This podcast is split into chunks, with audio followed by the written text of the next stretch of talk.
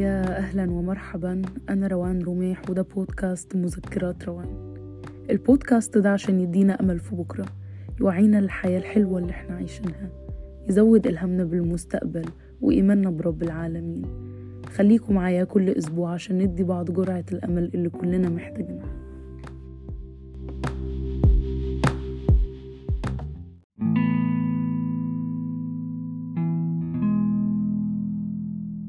بابا كان ليه كلمة كنت بحبها قوي.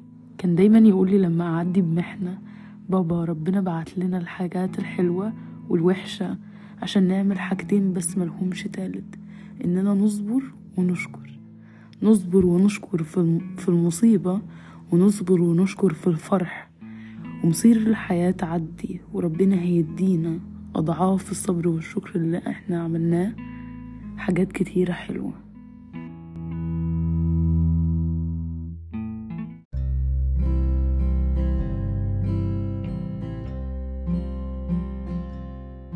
في صيف السنة دي كان البنك عامل حملة توعية عن الكشف المبكر لمرض سرطان الثدي. رحت أنا وإنجي صاحبتي نعمل كشف. الست سألتنا معاكم كارنيهات التأمين الصحي بتاعتكم؟ قلت لها لأ.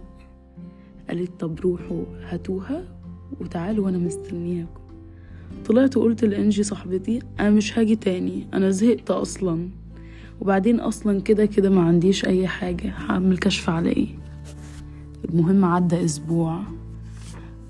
بعدين بالصدفة اكتشفت كتلة في جسمي شكلها غريب. أخدت ماما ورحنا عملنا تحاليل. وسمعت الدكتور بيقول للماما للأسف ده مش كيس دهني. بنتك طلع عندها ورم.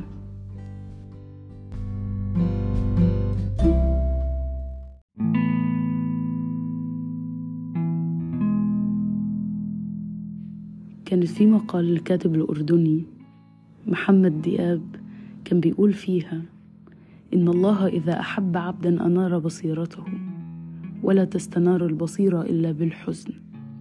فعند الحزن يرى المرء حقيقة كل شيء حقيقة نفسه وحال قلبه وصحبته وأهله حقيقة الدنيا على حالها وما صارت إليه روحه تدرك بصيرته جمال الأشياء التي مرت عليه وتجاوزها على عجل. تتصل روحه بالسماء وتقترب من الله أكثر. فيجعل الله من كل ذرة حزن في نفس عبده نورا يضيء به بصيرته. حتى يدرك هوان الدنيا برغم جمالها وحقيقة الأشياء. إنه مش شرط إن لما ربنا يبتلي العبد بأي حاجة وحشة إنه رايد بيه اختبار أو أي حاجة. يمكن ربنا من حبه في العبد عايز ينور بصيرته عايز يوسع البرسبكتيف بتاعه اللي هو بيشوف بيه الدنيا فيشوف الدنيا بشكل أحكم وشكل أعقل و... و... وحال الدنيا على على حقيقتها زي ما بيقول الكاتب. وإن ربنا عايز يعرفنا إنه الدنيا دي ما هي إلا لزوال يعني إنه أربعين خمسين ستين تسعين سنة هتعيشهم. ربنا بعتك هنا لرسالة لازم توصل الرسالة دي قبل ما تمشي.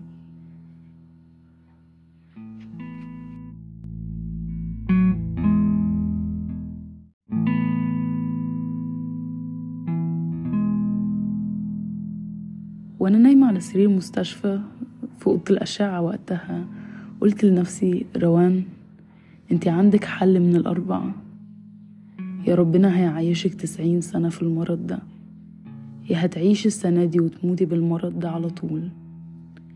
يا هيكون في حاجة كبيرة وهتتشال وهتكوني أحسن.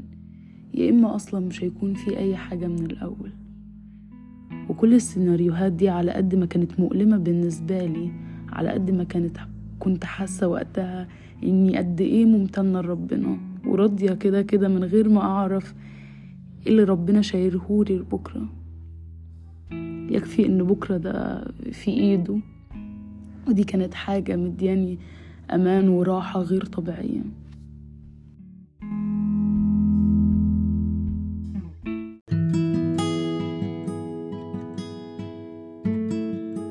فنصيحة اليوم. عودوا نفسكم تقولوا الحمد لله على الحاجات الصغيرة قبل الحاجات الكبيرة. عودوا نفسكم يكون عندكم طولة بال وصبر على كل حاجة بتعدي بيها في حياتكم. إن لا قدر الله ربنا لما بيبعت الحاجات الكبيرة بتكون محتاجة منك. مجهود إنك تستوعب وتشكر وترضى باللي اتبعت لك ده من غير ما تقول ليه وشمعنى أنا؟ وافتكروا دايما إنما الصبر عند الصدمة الأولى.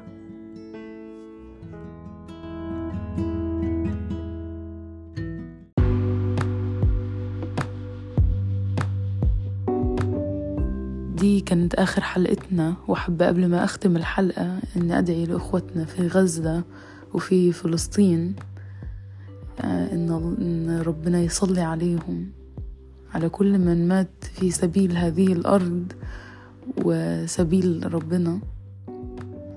أنا روان رميح وده بودكاست مذكرات روان. أشوفكم في الحلقة الجاية. مع السلامة.